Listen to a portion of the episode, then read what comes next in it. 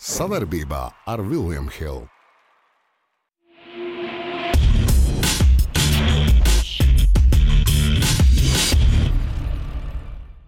Sveiciens Formule 1 līdzjutējiem! Tieši tā es parasti iesāku arī komentēšanu F1 translācijām. Šajā sezonā Nu, apmēram šādā veidā es varētu iesākt šos raidījumus. Raidījuma nosaukums - ideālā formula. Tas nozīmē, ka, protams, galvenokārt runāsim par Formuli 1. Nu, ne jau Formula 1 ir baigi ideāla šajā gadījumā, un ne jau tikai par Formuli 1 mēs šogad runāsim. Raidījumos, kas faktiski notiks pirms Grand Prix nedēļu nogalēm, tās visdrīzāk būs piekdienas kad šis raidījums taps īsi pirms pašas nedēļas nogales, un apskatīsim, kas tad ir noticis gan iepriekšējā nedēļas nogalē, sacensībās, kas ir noticis pa nedēļu. Protams, gatavosimies sacīkšu nedēļas nogalē un ļoti daudz eksperimentēsim. To es jums varu apsolīt, jo varu pačukstēt, ka vadība mums ir atļāvusi eksperimentēt šajā raidījumā. Šāds formāts kā tagad, ka es esmu šeit studijā vienatnē, uh, tas nu, negluži vienatnē, es atvainojos. Tas, tas varbūt nebūs turpmāk tāda norma. Varētu būt, ka man būs arī kāds vadītājs, pusvadītājs vai līdzvadītājs. Nākamajos raidījumos to visu mēs redzēsim. Pilnīgi noteikti būs arī viesi. Jo plānā šogad ir atspoguļot arī to, kas notiek pasaules un jo īpaši Latvijas rallijā, bet, protams, tas ir VRC kontekstā. Gluži varbūt nelīdīsim Latvijas rallija virtuvītē, bet ņemot vērā, ka šis gads ir ļoti īpašs tieši rallija, pasaules rallija čempionāta posma viesošanās ziņā Latvijas teritorijā. Tā kā runāsim ar rallija cilvēkiem, cerams, diezgan lielus un skaļus uzvārdus uzaicināt arī šeit pie mums ciemos. Un tā galvenā lieta, kas būs jau šajā raidījumā, protams, būs nepārtraukta komunikācija arī ar mūsu skatītājiem, mūsu līdzjutējiem. Jau pirms šī raidījuma tapšanas es arī uzjautāju Twitterī, lai cilvēki atsūta jautājumus, kas viņus interesē šajā konkrētajā brīdī pirms Formule 1 sezonas, jo šodien ir tā diena, šodien patiesībā ļoti zīmīga diena. Formule 1 čempionātam un jaunai sezonai, jo tieši tagad noslēdzas testi. Man te tāds neliels, neliels televizoriņš, varbūt, kur jūs neredzat, kur es tā uzmetu aci pa brīdim. Joprojām notiek testi, pēdējā testu stunda, un pašā raidījuma izskaņā es varbūt arī tam nedaudz pievērsīšos. Šodien iet gaisā arī Drive to Survive, tā kā neaizmirstiet noskatīties vēl pirms jaunās sezonas tās aizkulisēs, kas attiecas uz pagājušo gadu. Eh, bet, kā jau teicu, tad eh, šogad diezgan daudz eksperimentēsim un runāsim ar līdzstājiem, ar skatītājiem, un jautājumi man jau ir iesūtīti, un es jau redzu, ka visus jautājumus atbildēt nav iespējams. Tik garš šis raidījums tomēr nebūs, bet katru reizi izvēlēšos kādus 3, 4, 5 interesantākos jautrākos, atbilstošākos. Nevienmēr viņiem jābūt ārkārtīgi gudriem. Jo tā ir viena lieta, kas nu, šajos gados, arī komentējot Formuli 1, pie kāda, pie kāda secinājuma es esmu nonācis, ka ļoti daudz mums ir jauni līdzjutēji. Un pēdējos gados tieši ienākuši. Un skaidrs, ka viņiem ir arī daudz lietas jāizstāsta, kas varbūt tādiem līdzstājiem jau no ar stāžu, ar bārdiņu, tādiem jau ir pašsaprotams. Bet tajā brīdī, kad tas jaunais līdzstrādājs saprot krietni vairāk par to Formuli 1 un ir dziļāk tajā iekšā, pilnīgi noteikti tas skatīšanās process paliek aizraujošāks. Un tas nozīmē, ka mums būs arī kaut kāda veida rubrikas attiecībā par tehniskajām lietām, Tāpēc man ir tik liels ekrāns šeit. Nevis tāpēc, lai mana bilde tur visu laiku būtu, bet uh, tur būs pilnīgi noteikti kaut kas arī par Formuli 1 un par tehniskām lietām. Mēģināšu attiecīgi kaut ko iebakstīt un parādīt, bet tas viss uz priekšu man arī vēl šis, šis viss raidījuma formāts ir jāmācās. Uh, Tā kā mēģināsim iet cauri tam visam. Uh, nu, un pavisam īsi tas, kas šodien plānā Šodien apskatīsim, kura varētu būt potenciāli skaistākā mašīna jaunajā sezonā, jo visi krāsojumi ir prezentēti un nu jau arī krāsojumi ir pārbaudīti, kā viņi izskatās gan saules eh, gaismā, Bahreinā, gan arī Bahreinas trasē pie mākslīga apgaismojuma. Tā kā es domāju, mums ir diezgan labs priekšstats par to, kā tas viss izskatīsies. Nedaudz parunāšu par testiem. Tā ir tā nopietnā daļa un nopietnā sadaļa, kā izskatās testu rezultāti. Kā jau teicu, pēdējā diena šobrīd iet uz zurā, un pēdējā stunda iet uz zurā. Vēl komandas ķer un grābi, ko var sagrābt. Nedaudz par to, ko dara testos komandas. Būs arī neliela prognoze no manas puses, un tā ir viena lieta, ko mēs laikam arī šogad eksperimentēsim. Proti, ka mēģināsim ieviest tādu rubriku, trakā prognoze, sauksim to tā. Varbūt laika gaitā izdomāsim jautrāku nosaukumu vai, vai atbilstošāku nosaukumu, bet kaut ko tādu uz nedēļas nogali, ko varbūt mēs visi negaidām, kas nav nu, tāds. tāds Ierastā lieta, bet kas tīri teorētiski varētu notikt un uh, varētu nedēļas nogales laikā atgadīties. Uh, nu, un pašā beigās pievērsīšos arī šiem jau izziņotiem jautājumiem. Pieci jautājumi man ir atlasīti. Jautājumi būs redzami arī uh, uz ekrāna. Tā kā tie, kas uzdod jautājumus, esiet gatavi, ka jūs arī parādīs televīzijā. Kopā par skaistu spēli Viljams Hilde LV. Nu tad skaistākā Formule 1 mašīna. Uh, šādu aptauju par skaistāko mašīnu mēs taisām katru gadu. Uh, šeit ir visi jaunās sezonas modeļi, un uzreiz jāsaka, ka līdzjutēju starpā bija uh, diezgan lielas nu, pretenzijas par to, ka, kā jūs redzat, ir diezgan daudz melnās krāsas šajā sezonā pamanāmas uz uh, mašīnām. Tas nav tāpēc, ka dizaina departamentā tagad ir iztrūkusies viss pārējā krāsa un melnā tikai palikusi, un visas grib krāsot melnas.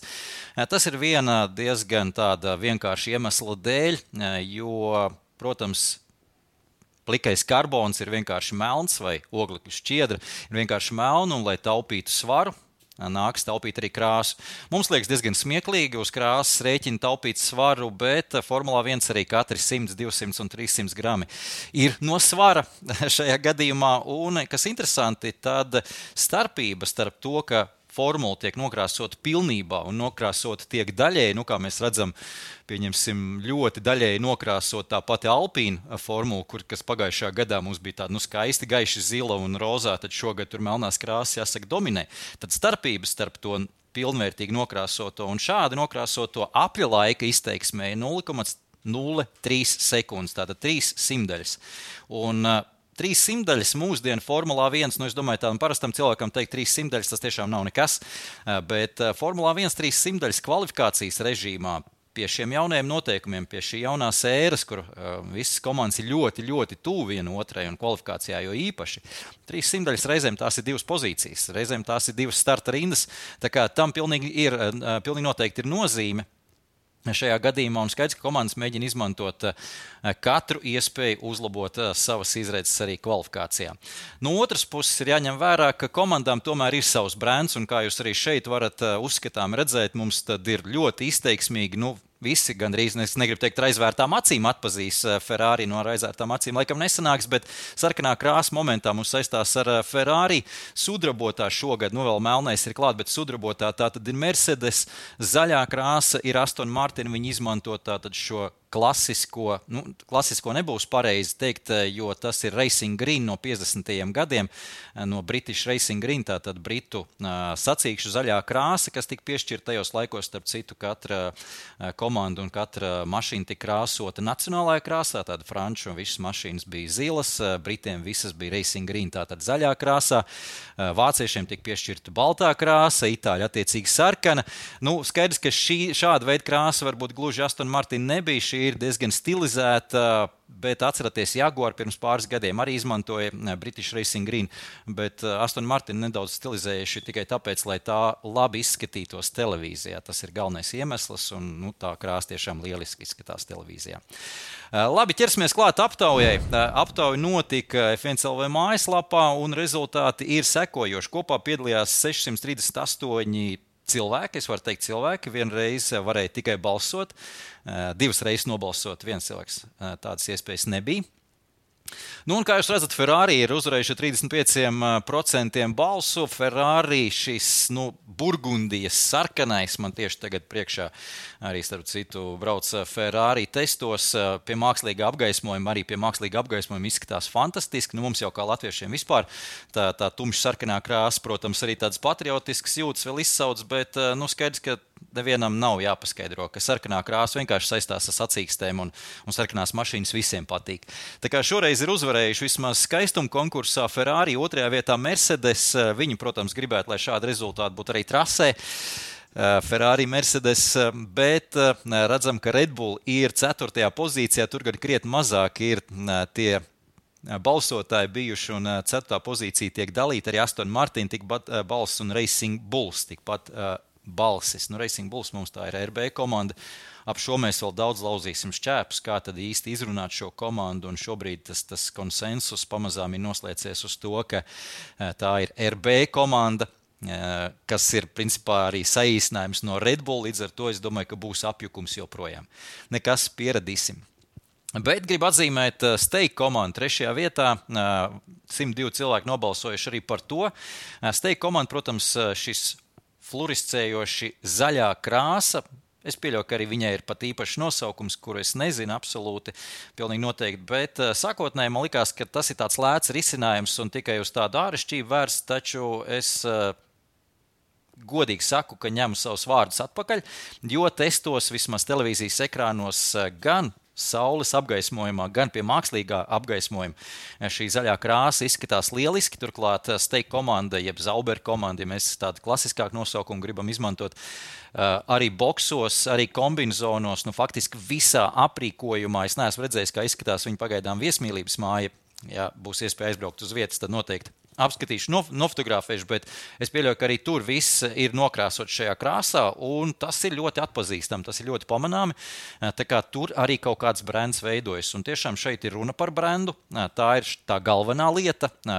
Sarkanā krāsa Ferrari ir brands, sudrabotā krāsa priekš Mercedes ir brands, kā jau teicu, zaļā krāsa priekš uh, Aston Martin ir brands, un šeit ir tas lielais jautājums, kāds brands ir uh, Eh, piemēram, RB eh, komanda. RB komanda gan eh, nu, pēc krāsojuma ziņā viņa atgādina nedaudz iepriekšējo gadu Toro Rosso, gadus 4-5 gadus atpakaļ, un krāsojums tiešām ir tīri fifiks, būsim godīgi, bet kopā ar visu nosaukumu, kur īsti nav nekāda veida identitātes, nu, es domāju, ka nedaudz tas mārketinga departaments ir aizšāvis eh, šķērsām, jo mūsdienu Formula 1, kas balstās uz frančīzes pamatiem, brandam ir milzīga nozīme. Un skaidrs, ka, ja tu savu brendu uzskačā pamatīgi, kā piemēram Viljams komanda to ir izdarījusi pēdējos 30, eh, krietni vairāk gados, redzam arī jaunie īpašnieki, kas ir eh, iegādājušies šo komandu, absolūti nevienā brīdī nedomā mainīt komandas nosaukumu, jo komandas nosaukumam ir vērtība, tā ir identitāte. Nu, skaidrs, ka ar to mums nāksies samierināties. Jaunās formulas izskatās tā, kā viņas izskatās, bet kas ir labā lieta, tad varbūt tur uzlikt atpakaļ vēlreiz tās bildes mums ar tām formulām.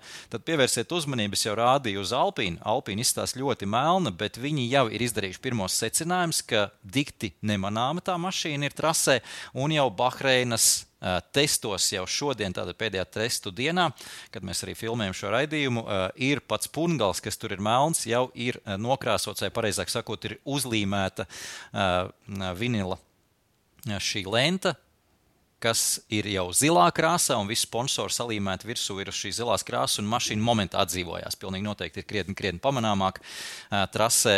Līdz ar to es domāju, ka komandas arī izdarīs apmēram secinājumus, kā tas viss izskatās televīzijā un ko saka līdzjutēji. Skaista spēle sākas ar pārliecību par saviem spēkiem. To var iegūt, smagi trenējoties. Bet noturēt to var tikai ticēt. Vecīt, es tev piekrītu, bet pabeigties malā. Kopā par skaistu spēli Viljams Hilde LV. Testi turpinās. Šobrīd 55 minūtes palikušas. Ir, tās ir pēdējās 55 minūtes, ko gatavoties komandām, un patiesībā darbs notiek diezgan aktīvs. Tie, kas varbūt neseko līdzi pirmssezonas testiem, Es teiktu, ka lielā mērā daudz diezgan palaiž garām. Jo šos daudzos gadus sekojot līdzi, kā tad veidojas Formule 1 līdzjutēji interesi, un ņemot vērā, ka mums arī mājaslapā regulāri arī statis, no statistikas viedokļa mēs redzam, cik daudz lasa un skatās par Formule 1, tad pirmssezonas testu laiks ir ļoti, ļoti aktuāls un ļoti intensīvs laiks. Ļoti daudz līdzjutēji pa tiem diviem ziemas mēnešiem ir noilgojušies pēc Formulas 1, un skaidrs, ka tie ziemas testi ir pirmais indikators, kā tad tie kauliņi varētu izkrist jaunajā sezonā kā jau teicu, pēdējās 50 minūtes. Līdz ar to es domāju, ka tādas pirmos secinājumus mēs varam izdarīt. Skaidrs, ka, lai ielīstu tur krietni dziļāk iekšā un mēģinātu saprast un izprast, kāda ir spēka samēra jaunajā sezonā, noteikti ir jāanalizē vairāk telemetrijas dati, apļa laiki, jo tas indikators, kas mums ir tāds galvenais un vizuāli uzskatāmākais, proti, apļa laiki dienas beigās, katras dienas beigās absolūti neko neparāda. Ja mēs pēc tā mēģinātu izdarīt secinājumus, tad ļoti ātri iebrauktu auzās. Protams, zināmā mērā tas kaut ko parāda, vēl jau vairāk šajā laikmetā, kad komandas vairs īpaši necenšas. Uh, uzbraukt ļoti ātrus apļus un notēlot, ka mēs nu tik esam ziemas testos ātri un tādā veidā vēl tik pie papildus sponsoriem pirms sezonas sākuma, bet nu, tādas tendences bija agrāk un daudzas komandas tādā veidā ir nomakšķerējuši diezgan labus sponsors ziemas testos, vienkārši uzbraucot ar pilnīgi tukšu degvielas tvertni un pašām mīkstākām riepām ļoti ātru apli. Un paliekot pirmajā pozīcijā, testu rezultātos, šobrīd tas īsti tam nepieciešamības un vajadzības nav. Tie laiki ir mainījušies. Es teiktu, tiešām mums ir nedaudz adekvātāka tā situācija arī ar apelaikiem. Bet testos jāņem vērā, ka tie ir tikai trīs dienu testi. Katra komanda katru dienu var braukt trasē tikai ar vienu mašīnu un ar vienu formulu. Tas nozīmē, ka arī pilotiem ir jādala tas laiks, un katram pilotam tā ir pusotra diena, lai sagatavotos. Nu, pilotiem, tiem, kas ir braukuši jau iepriekš un iepriekšējā sezonā, un šogad ir tādi pilnīgi visi, jo mums nav pilnībā mainījies pilotu sastāvs, kāds ir bijis, tāds tas ir palicis. Tad nu, viņiem ar pusotru dienu, lai ieietu ritmā, pilnīgi pietiek. Citi runa par debitantiem, ja tādi ir šogad, kā jūs teicat, tādi nav. Bet, ja tādi ir, tad skaidrs, ka ar pusotru dienu, lai iešūpotos sezonai gandrīz no 0 nulles punkta ir krietni par maz, krietni, krietni par maz. Un šobrīd jau ir daudz runas par to, ka uh, vajadzētu tomēr kaut kādā veidā testu ierobežojumus atcelt, ņemot vērā, ka testu ierobežojumi savulaik tika ieviesti tikai un vienīgi tāpēc, lai taupītu līdzekļus. Šobrīd uh, līdzekļu taupīšana tiek panākta ar budžeta griestiem, līdz ar to kaut kādos saprāta robežās un attiecīgos gadījumos, kā jūs teicat, piemēram, priekšdebitantiem, nu, testu ierobežojums varētu arī atcelt. Bet pagaidām tas nenotiek. Līdz ar to pusotra diena katram pilotam, trīs dienas komandām, un tajās trīs dienās eh, komandām tas saraksts ar izdarāmajiem vai plānotajiem darbiem ir ļoti, ļoti garš. Un, ja jūs redzat testos, ka tiek izkārta sarkanie karogi kaut kāda iemesla dēļ, un arī Bahreinā tas bija, jo kārtējo reizi drenāžas, eh, drenāžas vāks tika norauts eh, vakardien, to izdarīja, nemaldos, viens no Ferrari pilotiem, šodien to izdarīja Sergio Peres. Un, attiecīgi, kamēr trasi remontē, tiek izkārti sarkanie karogi, nu, tas padara komandas ļoti nervozas. Un skaidrs, ka to saprot arī trases. Trases īpašnieki un šo testu organizatori Bahreinā viņi līdz ar to anulēja jebkāda veida šo pusdienas pārtraukumu pa vidu un iedeva vēl klāts stundas dienas beigās, ko darīt. Jo tas darba saraksts, kā jūs teicāt, ir ļoti, ļoti garš. Līdz ar to šeit nevajadzētu gluži Vēl vienreiz atgādinu, nevajadzētu uztraukties par apelēkiem, jo komandas pašas īpaši par to vispār nedomā. Kā viņas izskatās tajos apelēkos, kurā pozīcijā viņas ir. Viņas iet pēc saraksta, atzīmē, ka tas darbs izdarīts, tas izdarīts. Un kas tad ir tie darbi? Bija arī jautājums vienam no līdzjutējiem, tā kā es tā. Pie reizes arī mēģināšu uz to atbildēt. Var uzlikt tagad bildi ar Viljams. Viens no veidiem, kā arī testos tiek strādāts, tiek izmantota šī flow vīz krāsa, jeb flow visualization, angliskais eh, no angļu valodas saīsinājums. Uz parafīna un eļļu eh, bāzes sagatavota krāsa. Krāsa parasti pati krāsa tiek izvēlēta tāda, lai tā nesaplūst kopā ar eh, krāsojumu mašīnai. Nu, Viljams gadījumā tā tad nu, zilu nevar nekādā veidā izmantot. Šajā gadījumā tāda oranžīga tiek izmantot, lai ļoti labi pamanām tā ir.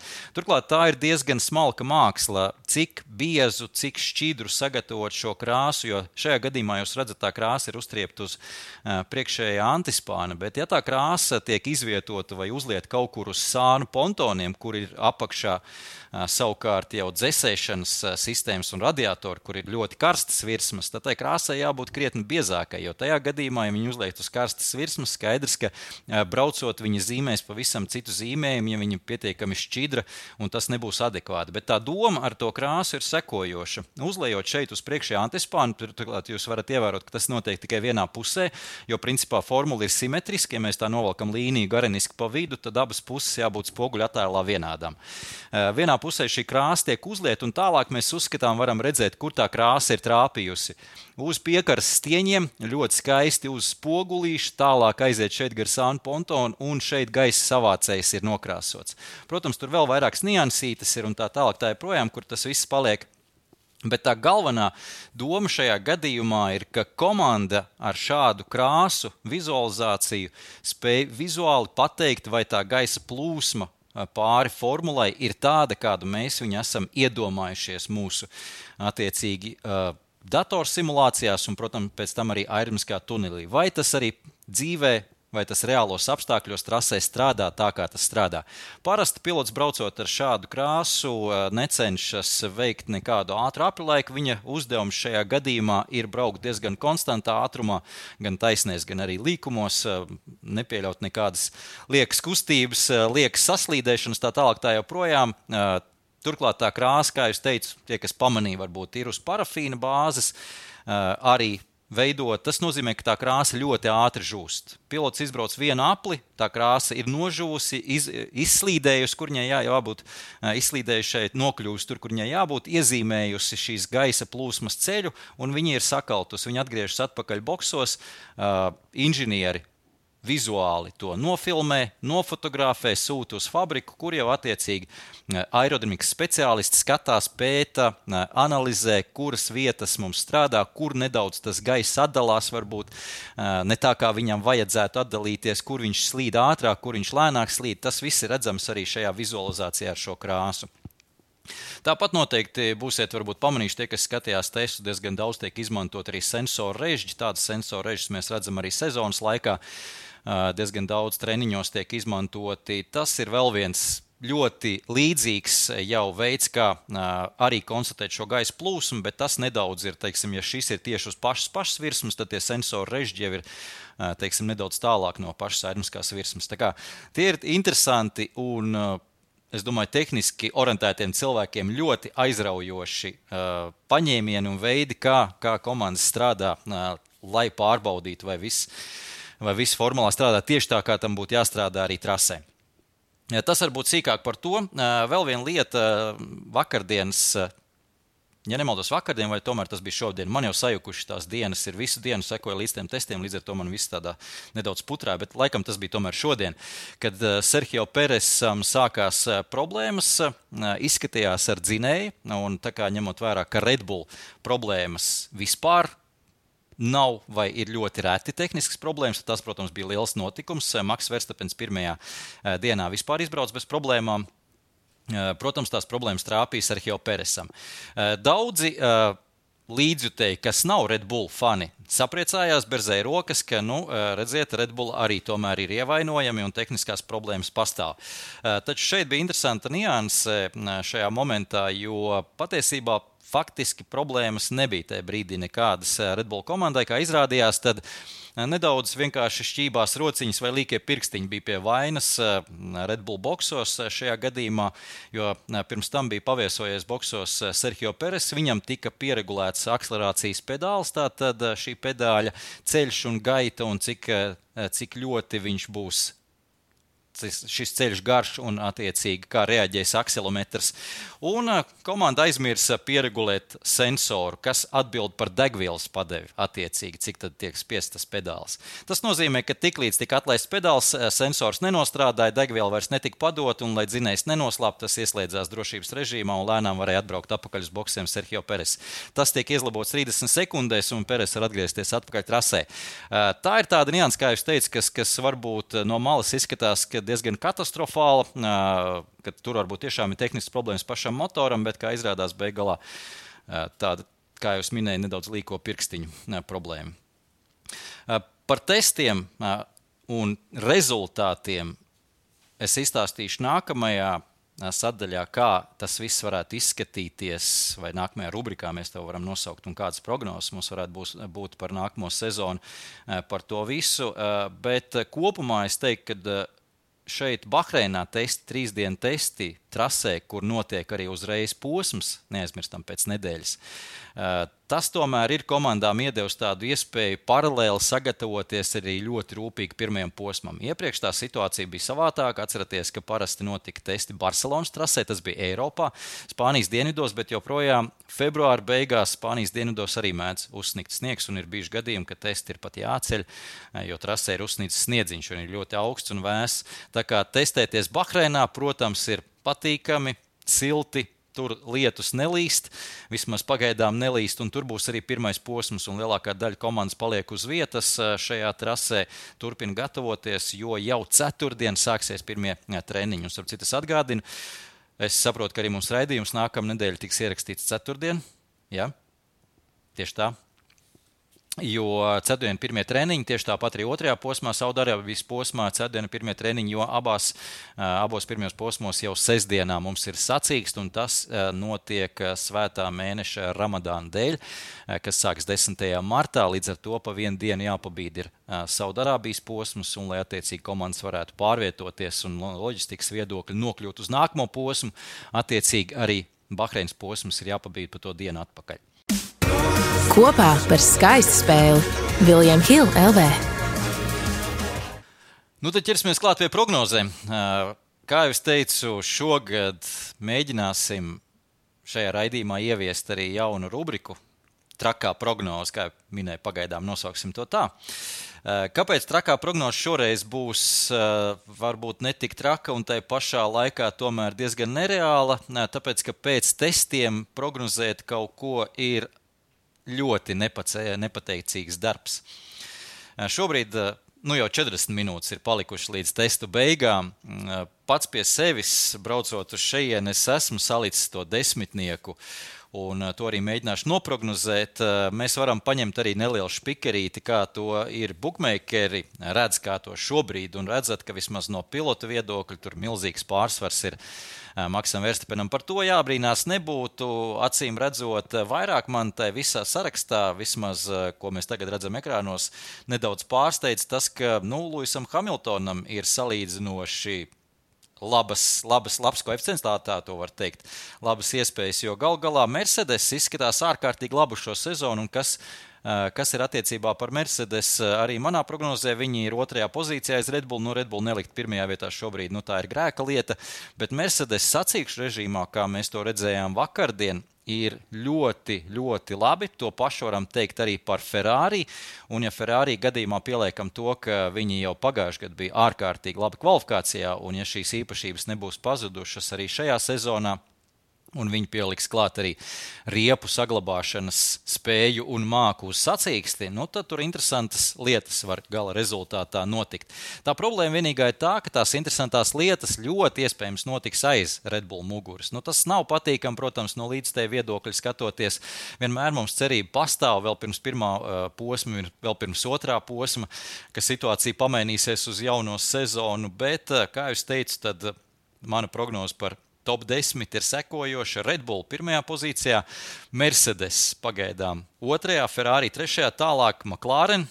Aston Martin 5. un 6. vietā es esmu ielicis RB, jeb šo Racing Bulls komandu, kas kuru šogad pārstāv Daniels Rikārdo un Jukits Unodo. Un man personīgi šī komanda ļoti simpatizē.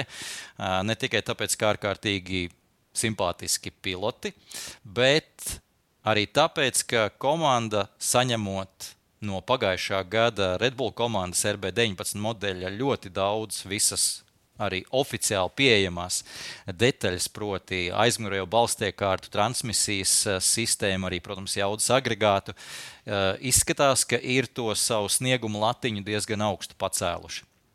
Protams, tas izraisīs arī diskusijas no konkurentiem, tādas diskusijas jau ir sākušās. Uh, Zaks Brauns no McLaren komandas jau šobrīd neliekas mierā par šo situāciju, bet no līdzstēju viedokļa tas būtu ļoti interesanti, ja šī komanda sāktu kāpt uz papēžiem tai vadošajai grupai, kas ir uzreiz tā tad, nu, izskatās aiz Aston Martina. Alpīna, Alpīna man ir septītā manā sarakstā. Protams, tikpat labi var būt Alpīna komanda pēc šiem testiem, kas viņiem ir ļoti pieticīgi, varētu atgūties un reāli sacīkstēs būt priekšā RB. Tas nebūs liels pārsteigums, es saga, saglabāju sev nedaudz arī atkāpšanās ceļu šajā gadījumā. Eh, bet nu, vismaz testos viņi ir ļoti pieticīgi, kā jau minēju. Taču šeit varētu arī būt tāda situācija, ka komandu, komanda, kuru vada tehniskais cilvēks, eh, un tādas komandas mums ir vairākas, šobrīd ieskaitot arī Hāzes komandu, tās komandas neaizraujas īpaši ar eh, sānsoļiem un strādā un savu visu menedžmentu un mārketingu vispārējo veido tieši eh, balstoties uz tehniskām lietām, proti, kas mums ir svarīgākais no tehniskā viedokļa. Un no tehniskā viedokļa šai komandai ir svarīgākais eh, cītīgi noliegt galvu un strādāt eh, pie pamatu veidošanas jau testos. Un tieši to viņi arī dara, bet tieši tāpēc viņi arī nekur rezultātos mums nespīd vadošajās pozīcijās un nav pirmajās vietās. Un neaizmirstam, ka viņi pat nav mīkstākā riepas sastāvs atveduši šeit uz nav paņēmuši šeit uz šiem testiem, tā kā uz labiem rezultātiem viņi pat netēmē. Tālāk, astotajā vietā man ir ielikta steika komanda, jeb Zauber vienība, aiz viņiem Viljams un pēdējā pozīcijā Hāz. Nu, šī pēdējā grupiņa varētu būt steika, Viljams un Hāz, un, kā jūs teicat, es, es paredz, ka tomēr Red Bull junior komanda RB izrausies no šīs pēdējās grupiņas. Bet šis trīnieks, Steika, Viljams un Hāzs, tur noteikti arī var pastaigāt spēku samēri jaunajā sezonā. Viljams komanda ir tāda ļoti jauna un Es domāju, ka arī aizraujošu ceļojumu pašā sākumā, ceļojumu, kur sev aiz, aiz muguras veda jaunais komandas boss, James Vols. Skaidrs, ka viņš ir ļoti iedvesmojošs līderis, un to mēs varam redzēt absolūti visās intervijās. Ārkārtīgi pavēlkais sevis ne tikai komandas darbiniekus un pilotus, bet pat tos, kuru, kurus, kuri viņu intervē. Arī visi žurnālisti notic, notic viņam, jo viss, ko es esmu lasījis par Viljams, viss ir pozitīvi. Lai gan tie rezultāti, nu skaidrs, ka nav tie paši pozitīvākie, un arī pirmajā dienā vairākas tehniskas problēmas bijis, kas, kas arī normāli komandām, jo īpaši mazām komandām, jo īpaši komandām, kas pēdējā brīdī ir atvedušas šos jaunos jaunos modeļus, un Viljams bija viena no tādām. Tikai dienu pirms testiem tika notestēts jaunais modelis, vai vispār viņš ripo. Nu, tas, tas ir ļoti, ļoti liels risks. Un skaidrs, ka Džeims Volfs iet uz šo lielo risku ar domu, ka tā komanda ir jāpagriež pilnīgi citā virzienā pirms šīs jaunās sezonas. Nu, ne, neesmu daudz pieminējis pilotus, vairāk kā komandas, bet nu, skaidrs, ka no pilota viedokļa grūti, kā jūs arī redzat, ekrānos grūti šeit ir kādu citu izvirzīt uz čempionu titulu favorītu lomu, kā Maksa Verstapen, arī viņa komandas biedrs Sergio Peres. Ja mēs salīdzinām testus, tad ir pamatīgi ēnā bijis. Pilnīgi noteikti nav ne tuvu bijis tādās pozīcijās kā Maks Verstapens, kur arī šodien, kurš arī šodien iesēžoties formulā, jau pirmajos desmit apļos uzrādīja labāko rezultātu. Nu, Sergio Peres eh, pirmajā pozīcijā nemirkli nav nokļuvis. Šobrīd, starp citu, Verstapena rezultāti jau ir pārspējis Šarls Leklērs un ir pirmajā vietā testos, un tagad ir 36 minūtes palikušas līdz uh, testu beigām kad mēs šo ierakstām, bet jāņem vērā, ka Leclercam ir C4 riepas, kas ir mīkstākais sastāvs, tātad labāk saķer un līdz ar to arī labāks rezultāts tiek uzrādīts. Šīs C4 riepas netiks izmantotas vispār šeit, Bahreinā, nākamajā nedēļā. Tas varbūt nav tāds gluži objektīvs rādītājs. Tur mēs redzēsim tikai pēc nedēļas, kā tas viss izskatīsies, un pēc nedēļas kvalifikācijā tieši pēc nedēļas tas arī sanāk. Tā ir piekdiena, kad mums būs kvalifikācija uz Bahreinas lielās balvas izcīņu. Tur tad tās atbildes par to, kāds tas top 10 uz šo brīdi, uz sezonas sākumu, Formulā 1 izskatās, tur arī tās atbildes mēs gūsim. Tā kā gaidām pirmo kvalifikāciju Bahreinā. Veči, katrs atsevišķi, mēs esam viens pirksts. Visi kopā esam dūri. Pamēģini atklāt. Labi, jau teicu, bet bumbā dos. Kopā par skaistu spēli Viljams Hilde LV. Nu, noslēdzošajā daļā jautājumi. Jautājumi tika iesūtīti ļoti daudz, un jāatvainojas uzreiz, ir, ka Uz visiem atbildēt nevarēšu. Daži jautājumi bija tādi, kur varētu ne tikai raidījumu atsevišķi uztaisīt, bet raidījumu sēriju uztaisīt, vai vismaz grāmatu uzrakstīt. Tā kā jautājumi ir apjomīgi, es mēģināšu vēl izdomāt, ko ar tiem pārpalikušajiem jautājumiem darīt. Noteikti tādus, kas ir interesanti un pietiekami spēj izturēt arī laika pārbaudījumu. Es paturēšu prātā, un varbūt, ja būs raidījums, kur mazāk mums uzdos tos jautājumus, mēs varēsim atgriezties pie tiem. Tā kā nekur tie nepazudīs. Bet sākšu es ar Viljamu Stūri, un vēl šoreiz tā tiek izmantota, jo tajā tvītā pie šī, šīs rubrikas prezentēšanas un pie tā, ka aicinājums uzdot jautājumus, es uzliku arī attiecīgi ideālās formulas logotipu uz Viljams stūres, bet tā bija vecā stūres versija, un viens no līdzstiem arī ļoti labi pamanīja, ka tā ir vecā stūres versija. Un šeit jūs varat redzēt, kā izskatās jaunā stūres versija Viljams. Kāpēc tas ir interesanti? Stūra ir tā lieta, ko komandas nemaina ļoti ilgi, un šī iepriekšējā versija stūrei Viljams komandai bija nu, vairāk kā desmit gadus, un viņi bija palikuši vienīgie, kurai displejs attiecīgi nav uz stūres, bet atradās uz paša kokpita priekšējās daļas. Šajā ziņā Nav, un arī bija jautājumi no cilvēkiem, kāpēc, kāpēc Viljams izvēlējās šādu stūri un joprojām paliek pie šādas stūres, ka visas pārējās komandas tomēr izmanto šādu risinājumu. Tad, kā skaidroja arī Viljams tehniskie cilvēki, tad īsti nav iemesla mainīt, jo no pilota un arī no ergonomikas viedokļa nav lielas starpības, vai displejs atrodas uz stūres vai uz kokpita. Jo tajā brīdī, kad rokas tiek pagrieztas uz sānu, tad līkuma brīdī rokas tāpat eh, pieiet priekšā displejam, vai šajā gadījumā displejs tiek eh, pagriezts vertikāli un pilots displejā neskatās. Eh, pilots displejā, displejā skatās principā taisnē, vai arī viņš daudz lietas redz ar periferālo redzi. Tātad tur ir krāsu kodi uz visiem apgriezieniem. Viņam nav tieši jābūt jāblenž displejā, viņš tāpat to redz nedaudz jau skatoties, varbūt jau trasē. Eh, bet eh, priekšrocības šajā gadījumā tika atrastas citā vietā. Priekšrocības ir tādas, ka šobrīd visa elektronika ir sakopota stūrē. Pirms tam tas bija tātad divi bloki. Elektronikas bloks atradās arī uz eh, kokpita iekšienē, kur gan paņem vietu, gan arī no tā, ka viss vadojums ir gan no stūres, gan no, no kokpita priekšējās daļas.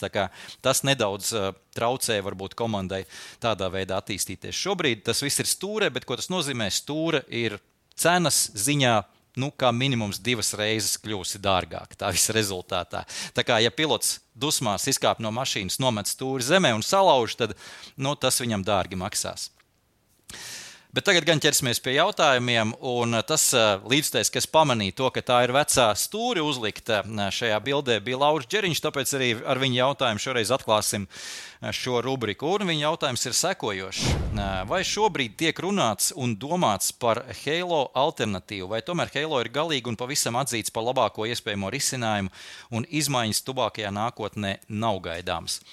Halo atzīmēšu un atgādināšu, ir šī drošības sistēma, kas atrodas piltam virs galvas. Ļoti izturīga titāna konstrukcija, kas sver 15, 16 kg pati atsevišķi. Šobrīd komandas jau to ļoti veiksmīgi ir integrējuši arī visā šasijā un aerodinamikas koncepcijā, teiksim tā, un pat izmanto to kā aerodinamikas instrumentu. Un tas atbildot uz jautājumu, šobrīd ir nostiprinājies kā galvenais kokpita aizsardzības rīks. Ir citas kategorijas, kā piemēram Indikāra, kas izmantos tā saucamos aeroskrīnu, tātad tur ir tāda caurspīdīga ekrāna, kas kas līdzinās nedaudz vairāk varbūt iznīcinātāja lidmašīnas kokpitam un pilota aizsardzībai, tad eh, šeit Formula 1 ir nostiprinājusies pie šāda. Halo tiek izmantot arī mazākajās sacīkšu sērijās. Un pilnīgi noteikti, ja šāds Halo būtu bijis gadus 10, 15 atpakaļ, ne tikai Formulā 1, bet arī zemākajās sacīkšu sērijās, tad eh, nu, es varu nosaukt pāris jauno, jaunos pilotus, kas šobrīd joprojām būtu starp mums un nebūtu gājuši bojā. Jo kokpita aizsardzība tomēr ir ļoti svarīga lieta, un tās lietas, kas lido pa gaisu trasē pēc kaut kādām sadursmēm, kā piemēram riepas, ir ļoti, ļoti bīstami elementi. Iesim tālāk. Deivids, Deivids jautā, vai vari lūdzu ieskicēt, ko priekš tik dominējošas komandas kā Red Bull nozīmētu tīm principā, ja komandas vadītāja zaudēšana, nomaiņa sezonas vidū vai ievadā. Cik ļoti tas varētu ietekmēt komandas sniegumu un kā to izjustu Red Bull fani. Ņūvī zaudējums būtu daudz sāpīgāks. Devids šeit raksta šajā sakarā, ka Kristianam Horneram, kas ir Red Bull komandas vadītājs, šobrīd ir spēkā izmeklēšanas laiks par viņa nepiedienīgu uzvedību vai neatbilstošu vadības stilu. Kas tieši kas par ko, ar ko, kādā veidā, kādā formā tas uz āru šobrīd netiek laists. Ir tikai baumas un spekulācijas, un līdz ar to tajā lietā mēs nelīdīsim iekšā. Bet ir pilnīgi skaidrs, ka ja Kristians Horners tiks atzīts par vainīgu pārdarījumā. Un es ceru, ka mēs visi uzzināsim, kas tas arī ir, ka tas process būs pietiekami caurspīdīgs, ka ļoti liels iespējas, ka viņš tiks nostumts no šī komandas vadītāja amata, kas, kas ir diezgan pašsaprotami.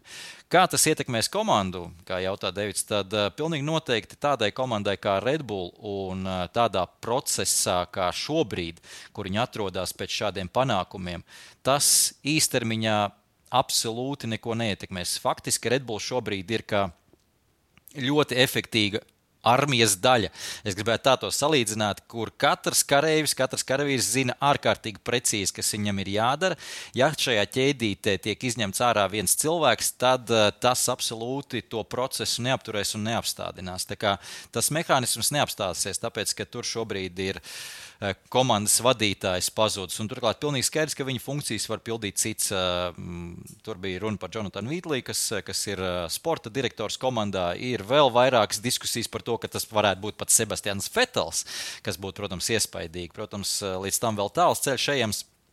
Lai kaut kas tāds notiktu, bet, kā jau teicu, atbildot īstermiņā, tas absolūti neietekmēs. Un, manuprāt, tomēr arī ilgtermiņā visu cieņu Kristianam Horneram, bet viņš to savu lielo darbu un to atdevu, ko viņš ir iedevis komandā, faktiski ir ielicis jau iepriekšējos gados. Un tā komanda šobrīd strādā ļoti labi kā ieļots mehānisms visos līmeņos. Un visos līmeņos es šeit domāju ne tikai tehniskajā, ne tikai pilotu, bet arī tādās niansēs kā boxu apmeklējumu joprojām čempioni arī boxa apmeklējuma ātrumā. Un skaidrs, ka ne jau Kristians Horners iet un tagad katram mehāniķim un inženierim bakst ar pirkstiņu, kas viņam ir jādara. Kā jau teicu, to visi zina un to visi saprot, kā tas viss strādā. Līdz ar to viņa funkciju varētu pildīt kāds cits, un es esmu, es piekrī, es esmu piekritējis arī tai, tai domai, ka tomēr Kristiānu Horneru varētu nomainīt ļoti veiksmīgi kāds no iekšienes un īstenībā nekas nemainītos. Uh, Deivids pieminēja arī uh, Adrianu Ņūju. Uh, par Adrianu Ņūju tur, protams, nedaudz cita situācija. Es teiktu, ka arī ja viņu izņemtu no šīs komandas, tad īstermiņā tieši tāpat nekas tur īsti nemainītos. Jo pilnīgi noteikti ne jau viņš vienīgais uh, ir uh, šī jaunā modeļa un vispār tehniskā departamenta vadītājs un projektētājs jaunam modelim. Uh, bet uh, jaunā, uh, jaunajā ērā vai tehniskās ēras nomaiņā un kaut kādu jaunu tehnisko noteikumu parādīšanās gadījumā gan Adriana Ņūja pieredze būtu ļoti, ļoti vērtīga un veiksmīga. Un tieši tas notiks, starp citu, arī pirms šīs tehniskās ēras, kur Red Bull komanda bija vienīgā, kas neiekāpa šajā slazdā, kur vispārējās komandas iekāpa proti ar šo jauno ground efektu un ventūrī tuneļiem zem mašīnas grīdas, kad sākās visām komandām kratīšana, purināšana, delfinēšana, kā tas saucās vēl pagājušā sezonā. Sauciet, kā gribat, tad Red Bull bija vienīgā, kas no šīs lāsas izvairījās un tikai pateicoties Adrianam Ņūjam, kas savulaik vēl bija iepriekšējā ground efektērā, pašas ground efektēras pašās beigās strādājis un atcerējās, ko tas viss nozīmē un ar ko tas varētu beigties. Tā kā skaidrs, ka viņa ietekme varētu būt ļoti svarīga tajā brīdī, kad mainās tehniskie noteikumi. Iesim tālāk. Kristaps, Kristaps sveiciens Kristapam. Kristaps ir, starp citu, viens no aktīvistiem F1 līdzteikuma klubā. Un mums ar līdzteikuma klubu, es domāju, ka šajā sezonā, šajā raidījumā arī būs zināms sakars. Noteikti kaut ko kopīgi mēs varētu saorganizēt. Nu, un Kristaps prasa Eh, un saka šādi: Apsveic ar jauno raidījumu. Eh, paldies, Kristapam. Mans jautājums sekojošs. Eh, mēs zinām, cik grūti ir sarunāt privātas intervijas ar Formule 1 braucējiem. Tev ir dot iespēju, kuru pilotu kā žurnālists visvairāk vēlētos intervēt un kāpēc. Jā, intervijas privātās sarunāt ar Formule 1 pilotiem ir diezgan grūti. Savulaik man tāda pieredze ir bijusi, un tāpēc ir ļoti svarīgi pie pilotiem iet runāties nevis tajā brīdī, kad viņi jau ir savas slav, slavas vai savu panākumu zenītā, bet krietni ātrāk. Tātad junioru, junioru sērijās tieši tā es arī iepriekšējos gados esmu darījis, jo pirmkārt pie viņiem krietni vieglāk ir tikt klāt. Viņi ir gatavi atklātāk par sevi runāt un stāstīt, un, protams, jebkāda veida atpazīstamība viņiem tajā brīdī ir vajadzīga, jo viņi vēl ir tikai ceļā uz tiem panākumiem. Un pēc tam jau varbūt nedaudz vieglāk ir pie viņiem tikt klāt arī tad, kad viņi ir iekļuvuši Formulā 1. Bet, ja atbild uz jautājumu, ar kuru gribētu runāt, tad šeit nu, man nav gluži tā, ka ir sarakstā blociņā pirmais kāds no, kāds no esošajiem pilotiem. Jo jūs iedomājaties situāciju, ka ar viņiem grib runāt nu, katrā posmā 200 žurnālistu. Nu, Preses centrā parasti ir 200 vietas Formulā 1. Visi grib runāt ar viņu. Un, 9, 199 no viņiem, no šiem žurnālistiem, uzdos nu, faktiski vienus un tos pašus desmit jautājumus.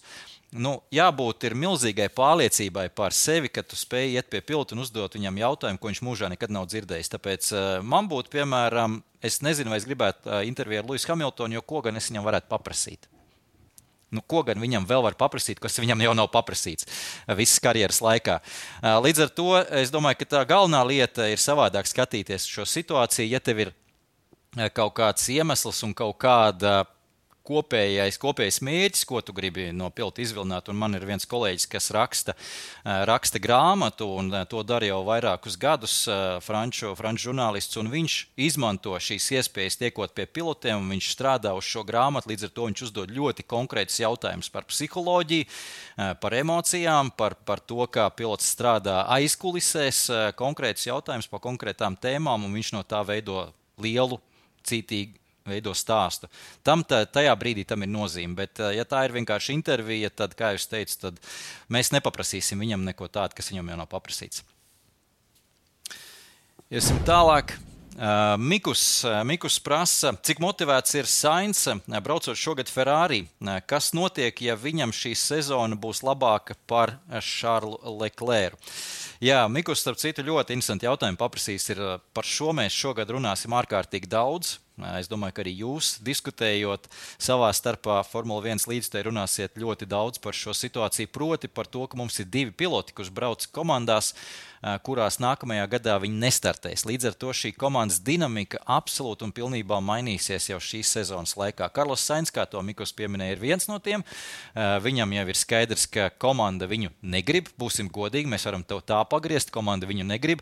Viņi grib Luisu Hamiltonu un Sainsam tajā pat laikā ir jācīnās par savu vietu zem saules. Viņam ir jāpierāda nākamajiem potenciāliem darba devējiem, ka viņš ir lielisks pilots. Un, ja viņš pārspēs Šarli Klēru, tas būs pirmais solis uz to, ka viņam spīd labs līgums jau uz nākamo sezonu.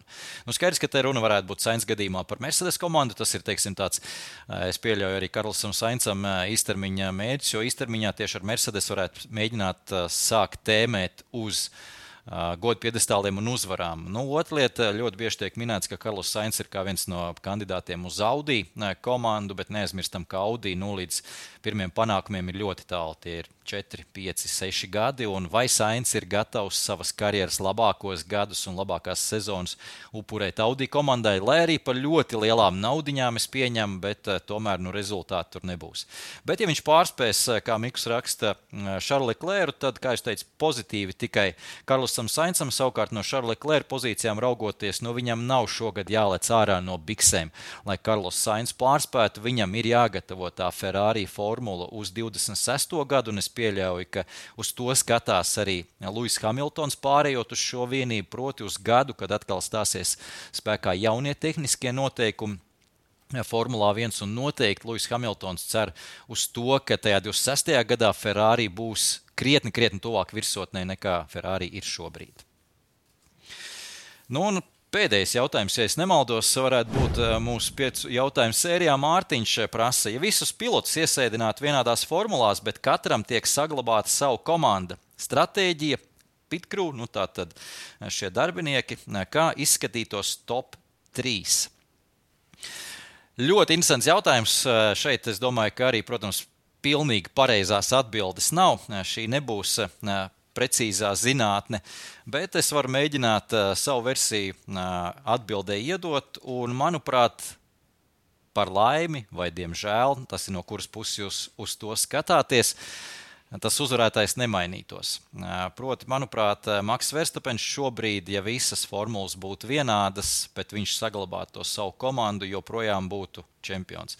Protams, tās cīņas būtu asākas, sīvākas, un, protams, tas mums visiem patiktu krietni, krietni vairāk. Un Lūsis Hamiltons tur cīnītos, Šarls Leklērs tur cīnītos, eh, un vispārējie cīnītos, bet eh, tas pārsvars, kas nāk no Maks Verstapena, ja mēs norobežojamies no tā, ka no, no viņa talanta viedokļa un no viņa spējām un īpašībām, tad tas otrs balsts, uz kā balstās, vai pilārs, uz kā balstās šie panākumi un čempionu tituls eh, Maksam Verstapenam, pilnīgi noteikti ir Red Bull komanda. Tas, kā es arī iepriekš runāju par Kristiānu Horneru, tas, kā šobrīd visos līmeņos ir atstrādāts eh, Red Bull komandas eh, darba ētika un principi, tas pilnībā, pilnīgi noteikti ir tas viens no ļoti lieliem argumentiem, kāpēc Red Bull ir čempioni ar tādu pārsvaru. Kā jau teicu, nu, tāda nianse un uh, tāda salīdzinoši triviāla lieta kā boxa apmeklējuma, kuras laikā teorētiski tu vari iegūt, bet tāpat laikā, ja tu skries pēc tam sekundes desmitaļām, tu vari zaudēt 5 sekundes. Taču Red Bull ir atstrādājuši to tik tālu, ka viņiem šie ātrākie boxa apmeklējumi pagājušā sezonā, ja mēs paņemam vidējo tad ir zem trim sekundēm bijuši vidējais. Tāda nav runa par ātrāko, vidējais. Kamēr tai pašai Mercedes komandai, kas pēdējos divos gados ir eh, tehniskajā ziņā iebraukuši auzās, eh, vidējais bija tuvāk krietni jau četrām sekundēm, piecām sekundēm. Nu, tas nozīmē, eh, ka Mercedes šo jomu ir atstājuši novārtā. Nu, skaidrs, ka viņiem krietni lielākas problēmas, lielākas galvas sāpes, kas bija jādara. Nu, līdz ar to, ja iet zobs zobā Lūsis Hamiltons ar Maksu Verstapenu, kā šeit raksta uh, Mārtiņš ar vienādām formulām. Iebraucot abi boxos, Lūsis Hamiltons zaudēs sekundi, varbūt divas, nu, un tur arī tā uzvara izpaliek. Tā kā šajā gadījumā es domāju, ka Verstapens joprojām būtu pirmajās pozīcijās, no tai trīniekā es varētu ielikt arī Šarli Klēru un Luisu Hamiltonu. Tā kā šeit bez, bez kādiem milzīgiem pārsteigumiem, jo nu, tie ir tie trīs piloti, uh, kas šobrīd mums ieskaitās vai skaitās tajā citplanētiešu kārtā. Manuprāt, joprojām un pagaidām nu, viņiem blakus kompānija nav uh, spējis sastādīt neviens. Varbūt būs Landau Norris, varbūt būs Oskars Piastri. To visu rādīs laiks. Uh, Tas arī viss šajā raidījumā. Paldies, ka noskatījāties līdz galam. Atgādinu vēlreiz, nākamreiz mēs tiekamies jau ceturtdienā. Vismaz ierakstīsim šo raidījumu nākamajā nedēļā. Tas nozīmē, ka tas jau būs tieši pirms Bahreinas lielās balss izcīņas, kad arī skatīsimies, kas tad varētu notikt Bahreinā jau pirmajā posmā. Atā.